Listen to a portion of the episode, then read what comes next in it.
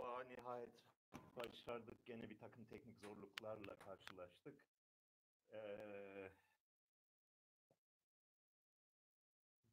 bilgisayar bir şey bas tanımadı. Merhabalar. Neler diyoruz? Uuu, bir sürü soru bile gelmiş. Karl Popper'in Platon, Hegel ve Marx eleştirisi hakkında ne düşünüyorsunuz? Hiçbir şey düşünmüyorum arkadaşlar. O konuları unutalı çok oldu. Hocam Karakoçan'a gittiniz mi? Hakkında Wikipedia'dan öğrenemeyeceğimiz neler söyleyebilirsiniz demiş bir başka arkadaşımız. Karakoçan'a düştü yolum ama çok da net bir şey yok kafamda. Hemen Karakoçan'ın karşı tarafında, Mazgirt tarafında e, Barin denilen yer vardı. Barin'e 1977'de ilk kez gitmiştik Osman Kavala ile beraber ve müthiş etkileyici bir yer olduğu kanısına varmıştık. Barin e, Peri suyunun kenarında bir ta tarih öncesinden kalma bir kalenin eteğinde e, tarihi bir köy, eski bir Ermeni kasabası. Yani hala da her tarafında duvarlarda Ermenice yazılar filan falan vardı. Yakınında da e, sıcak su kaynakları vardı. Anadolu'da benim gördüğüm en çarpıcı yerlerden biridir. Böyle dağın göbeğinden e, ılık, sıcak yani 37-38 derece gazlı su çıkıyor, gazoz çıkıyor. Böyle adam boğacak güçle çıkıyor.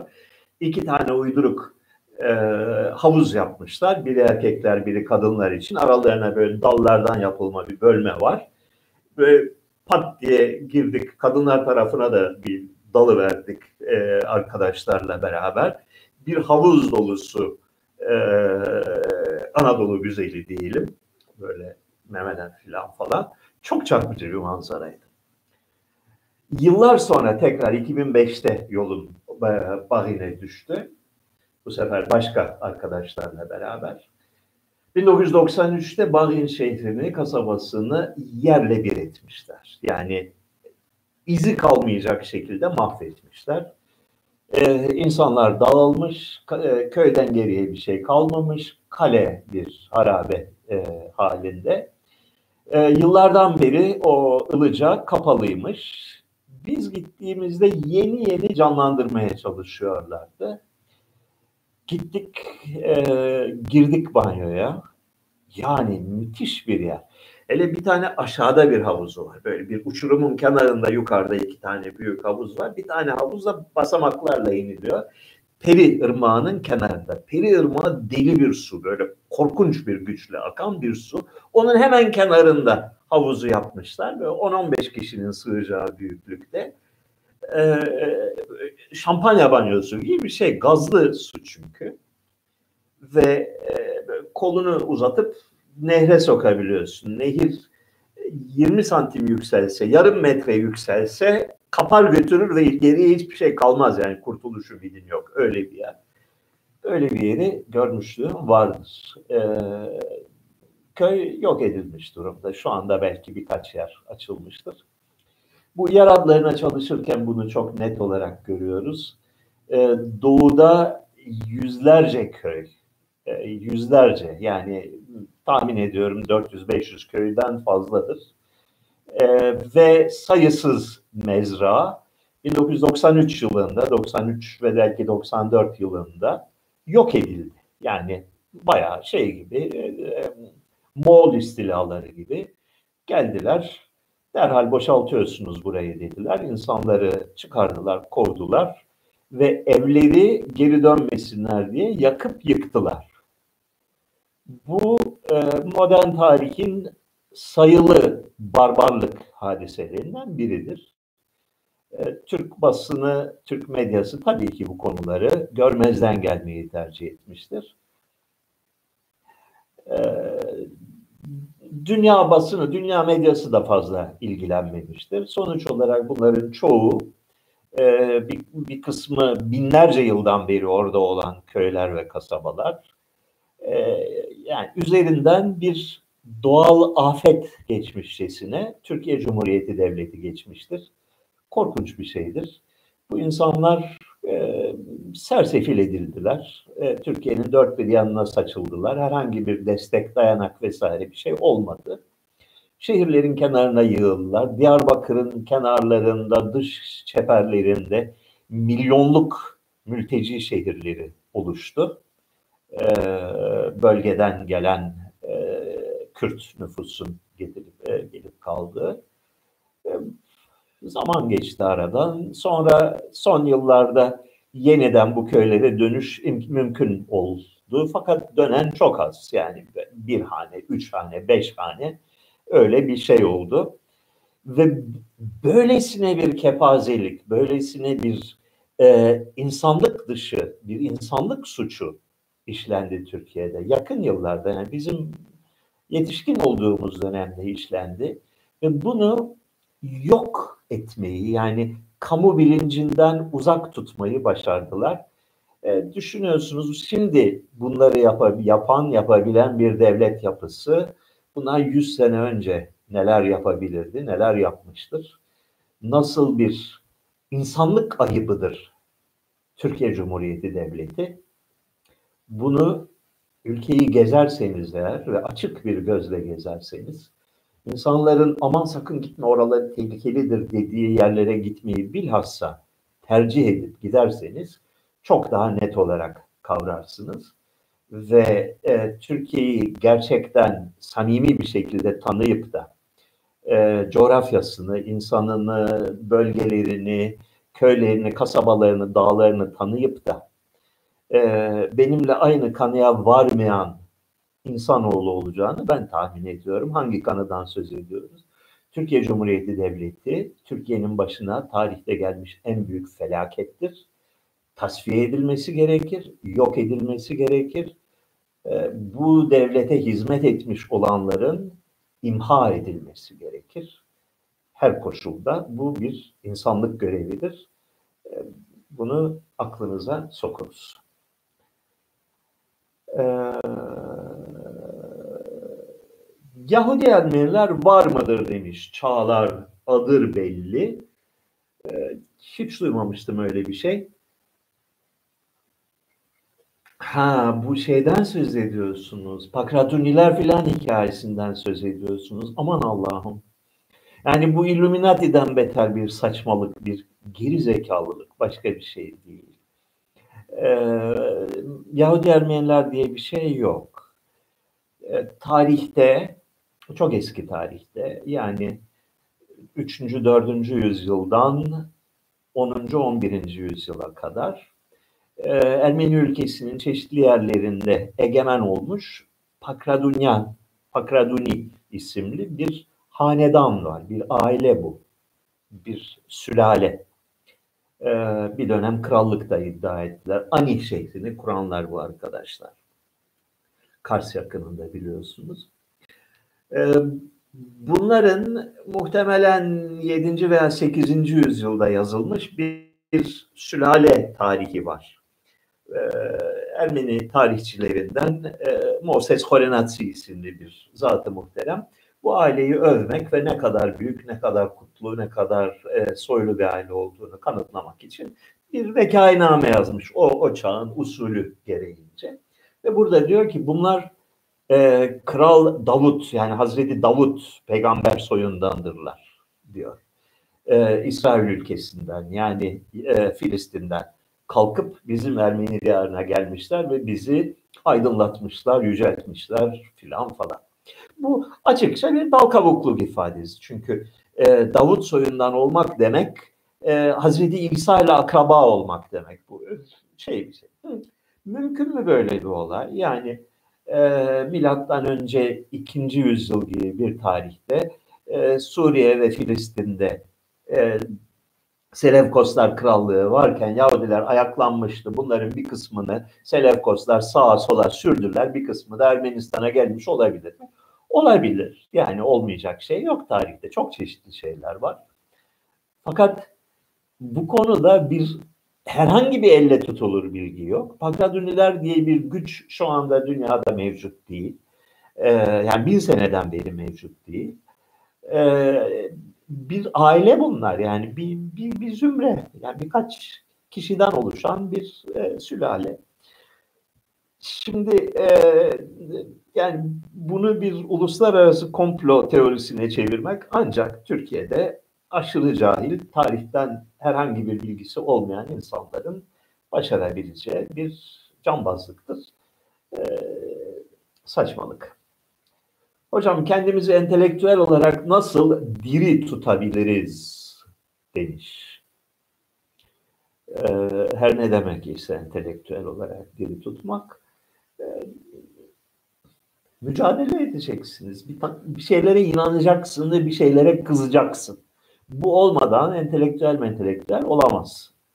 İkincisi çok okuyacaksın. Yani e, haberin olacak, dünyadan haberin olacak ve e, sosyal medyadan duyduğun dedikodulardan ibaret olmayacak dünya bilgi. Eleştirel düşünceyi okuyacaksın. E, düşünce ve inançlarını sürekli olarak sorgulayacaksın ve değiştirmeye hazır olacaksın. Yani aklın temel göstergesi budur. Eğer alışmış olduğun fikirleri değiştirme cesaretin ve gücün varsa e, akıllı bir insansın, kültürlü bir insansın. Yoksa e, otsun. Yani bu bir gerçek. Köy enstitüleri hakkında ne düşündüğümü soruyorlar.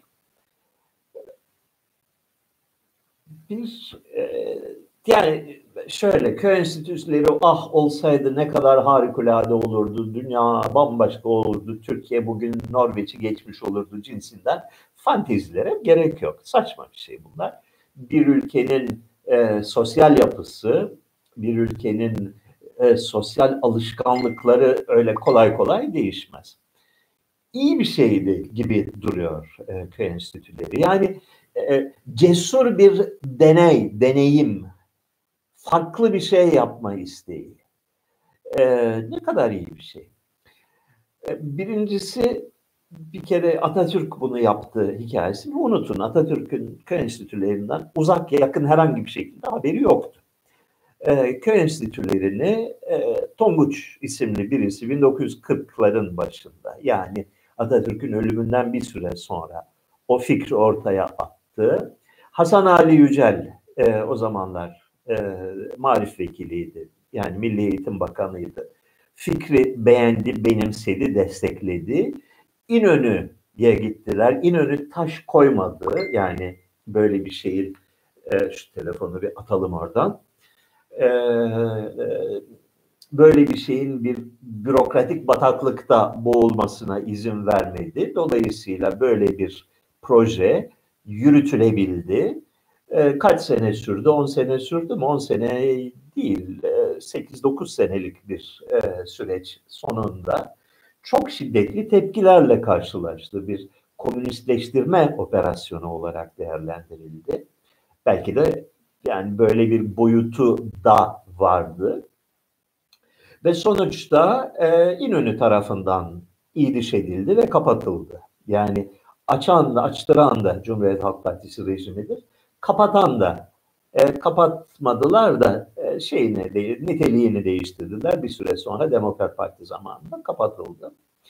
E, Türkiye'de eğitimin en büyük problemi tabii e, bir merkezi bir zihniyetle bütün ülkenin kontrol altında olması ve tek bir devlet ideolojisinin, bir devlet öğretisinin ki yüzde 99'u yalanlardan ibaret olan bir saçmalıktır bunun üzerine inşa edilmiş olmasıdır. Bunun e, bu, bu monolitik yapıyı kıracak olan, bunu, bunu buna alternatifler getirecek olan her şey prensip olarak savunulmalıdır. Yani farklı seslere ihtiyacı vardır bu ülkenin. Cesur seslere ihtiyacı vardır. Bu yönde atılmış her adımı teşvik etmek gerekir.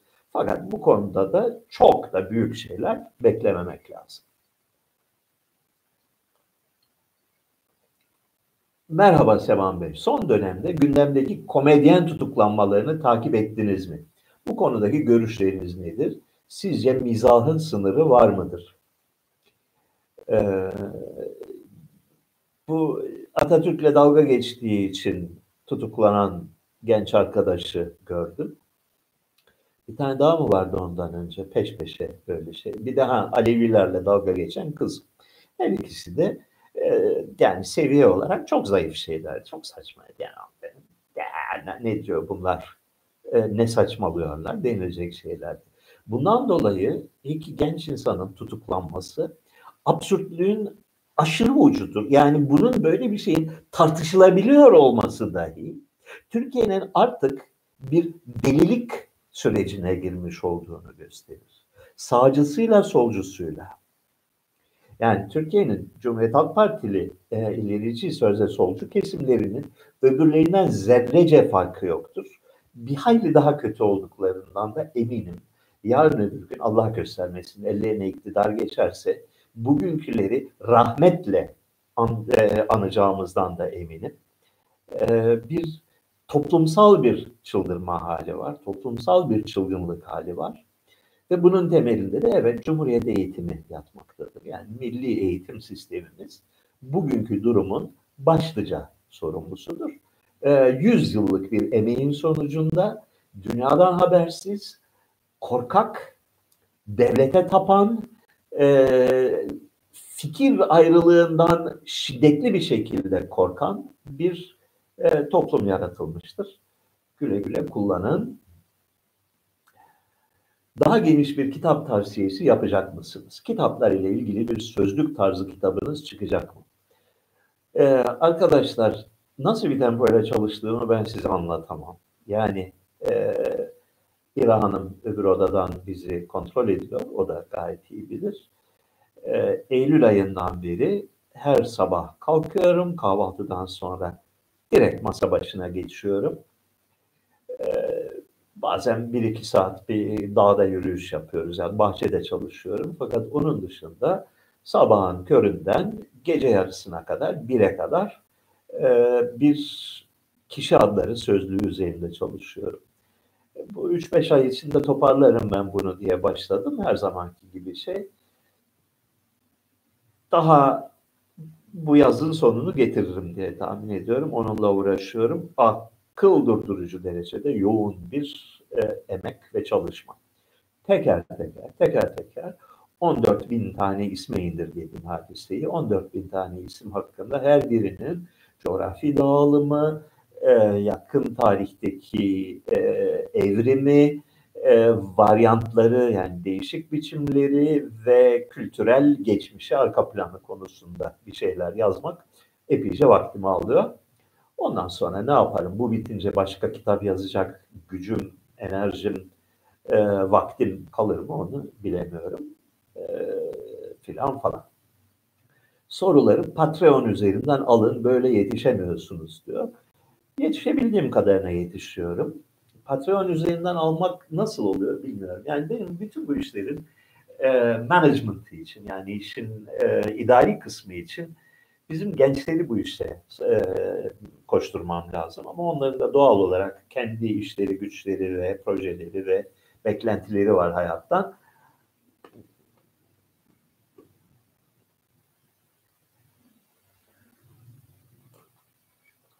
Uzay madenciliği hakkında düşünceleriniz nelerdir?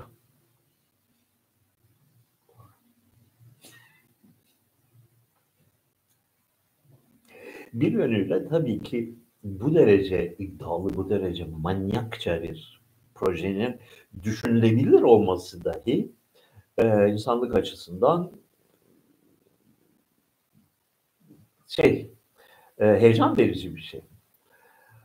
Fakat gitgide ben şu kavrama vardım, şu hadiseye vardım, şu bakış açısına vardım. Bu yaşlanma belirtisi midir nedir bilmiyorum. İnsanoğlu bu dünyada bir e, caretaker yani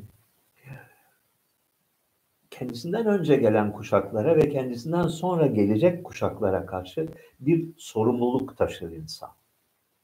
Yani bir araziye sahipseniz, bir arazinin malikiyseniz tek başınıza ve tamamen sizden ibaret değildir hadise. Sizin göreviniz, ahlaki göreviniz Bu arazi hem geçmişten, atalarınızdan gelen e, onların verdiği emeğe saygılı bir şekilde kullanmanız gerekir.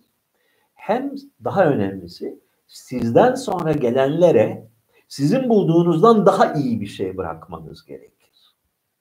Budur yani insan olmanın e, temel işlevi budur. Bir zincirin bir halkasısınız siz.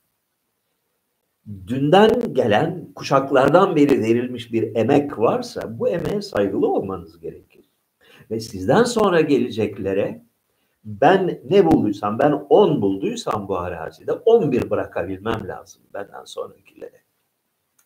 Şu anda dünyada öyle öyle anlaşılıyor ki tüketmekle meşgulüz. Yani yarın yokmuş gibi. Yahut da e, bizim sorumluluğumuz ve haklarımız kendi yaşamımızla sınırlıymışçasına. Olağanüstü bir bencillikle, dünyayı sömürmekle meşgulüz. Ee, şöyle diyeyim yani ciddi ciddi 10 senedir 20 senedir şeyden söz ediyoruz. Petrol kaynaklarının tükenmesinden söz ediyoruz. Yahu ne diyorsun bu petrol kaynakları milyon senede oluşmuş. Milyonlarca senede oluşmuş. 250 milyon yılda oluşmuş. Biz bunları işletmeye, e, çıkarmaya bunlar 100 yıl önce başladık. Yani 1890'larda, 1900'lerin sıfırlarında başladık ciddi ölçüde yer altındaki petrolü çıkarmaya. Ve 100-120 yıllık bir sürenin sonunda öyle bir yere geldik ki tüketmekten söz ediyoruz. Böyle bir hakkımız var mı? Yani e, dünyanın içine sıçıp gidiyoruz. Yaptığımız iş bu. Geriye bir şey bırakmıyoruz, tüketiyoruz. Bu, bu böyle bir hak olabilir mi? Yani mülkiyet hakkımız bunu içerir mi?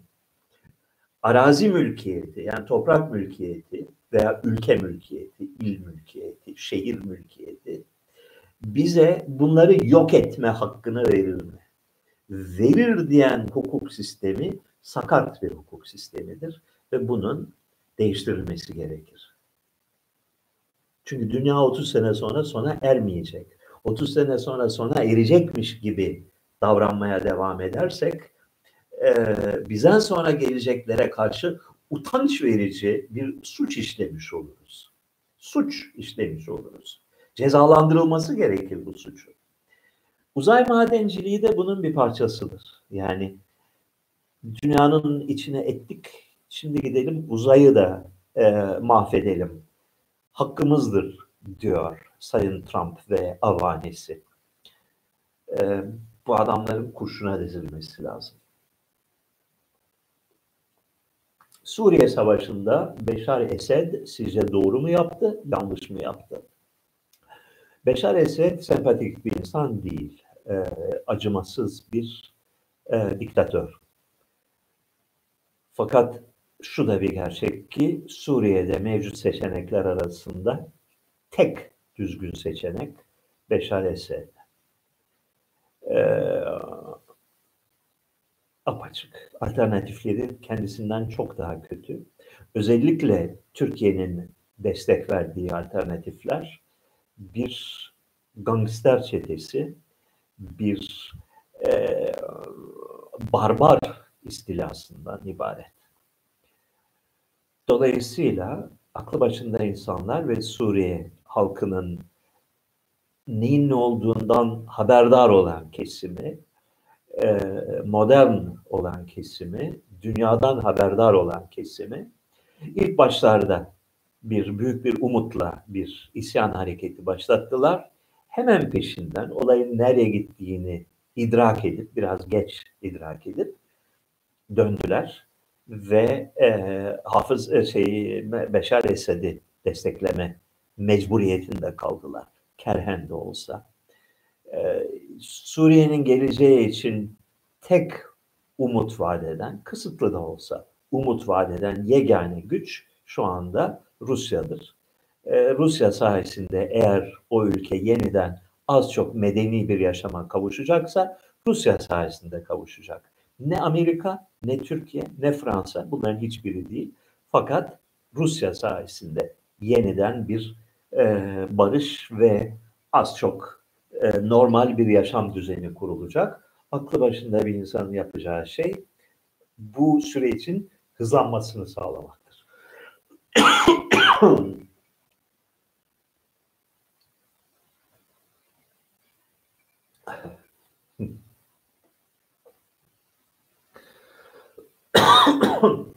Haziranda her şeyin normale döneceği hakkında açıklamalar yapılıyor. Sizce bu süreç ne zaman son bulur? Özür dilerim arkadaşlar. Pat diye korona bulaştı galiba. Neyse. Valla yakın zamanda ben biteceğini tahmin etmiyorum bu e, şey e, karantina marantina işlerinin. E, şeyin e, salgının yavaşlayacağına dair şimdilik bir belirti yok. E, şu ulaşmış olduğu yaygınlık düzeyinde kontrol altına alınmasına imkan ve ihtimal yok. Yarın öbür gün bir takım ülkelerde e, ülkelerin ekonomisini, insan ilişkilerini, her şeyini mahvetme bağısına ve, ve bir polis diktatörlüğünü, polis devletini güçlendirmek bağısına kontrol altına alındığını varsayalım. Hindistan'da ne olacak? Mısır'da ne olacak? Ee, Etiyopya'da ne olacak? Nijerya'da ne olacak? Bu yerlerde salgın e, alıp başını gittiği zaman bu yerleri bizim ülkemizden veya başka ülkelerden izole etme imkanı olacak mı? Böyle bir imkan görünmüyor. Böyle bir imkan gerçekçi değil böyle bir şey. Dolayısıyla eninde ya da sonunda olacağı şudur. Her e, salgında olduğu gibi bu salgında belli bir rotayı izledikten sonra yeterli sayıda toplumda insan e, hastalığı da yakalandıktan sonra e, yavaşlayacak ve duraksayacak. Bu yeterli sayının ne olduğu konusunda kimsenin doğru dürüst bir fikri yok. Kimi diyor yüzde altmış, kimi diyor yüzde on beş, kimi diyor yüzde yüz. Yani e, sürü bağışıklığı denilen şeyin oluşması için dünya nüfusunun e, yüzde on beş veya otuz veya elli veya altmış veya yetmişinin bu hastalığa bir kere maruz kalması gerekecek. Ee, bir miktar insan ölecek. Yani kaçınılmaz bir şey. İnsanlar ölür genellikle. Ondan sonra iş yavaşlayacak. Bu öyle anlaşılıyor ki salgınların doğal süreci konusunda insanlık bugün 100 yıl önce veya 700 yıl önce olduğundan çok daha ileri bir noktada değil. Salgın, salgınlar konusunda bildiklerimiz. Sanırım şurada bir sorun var.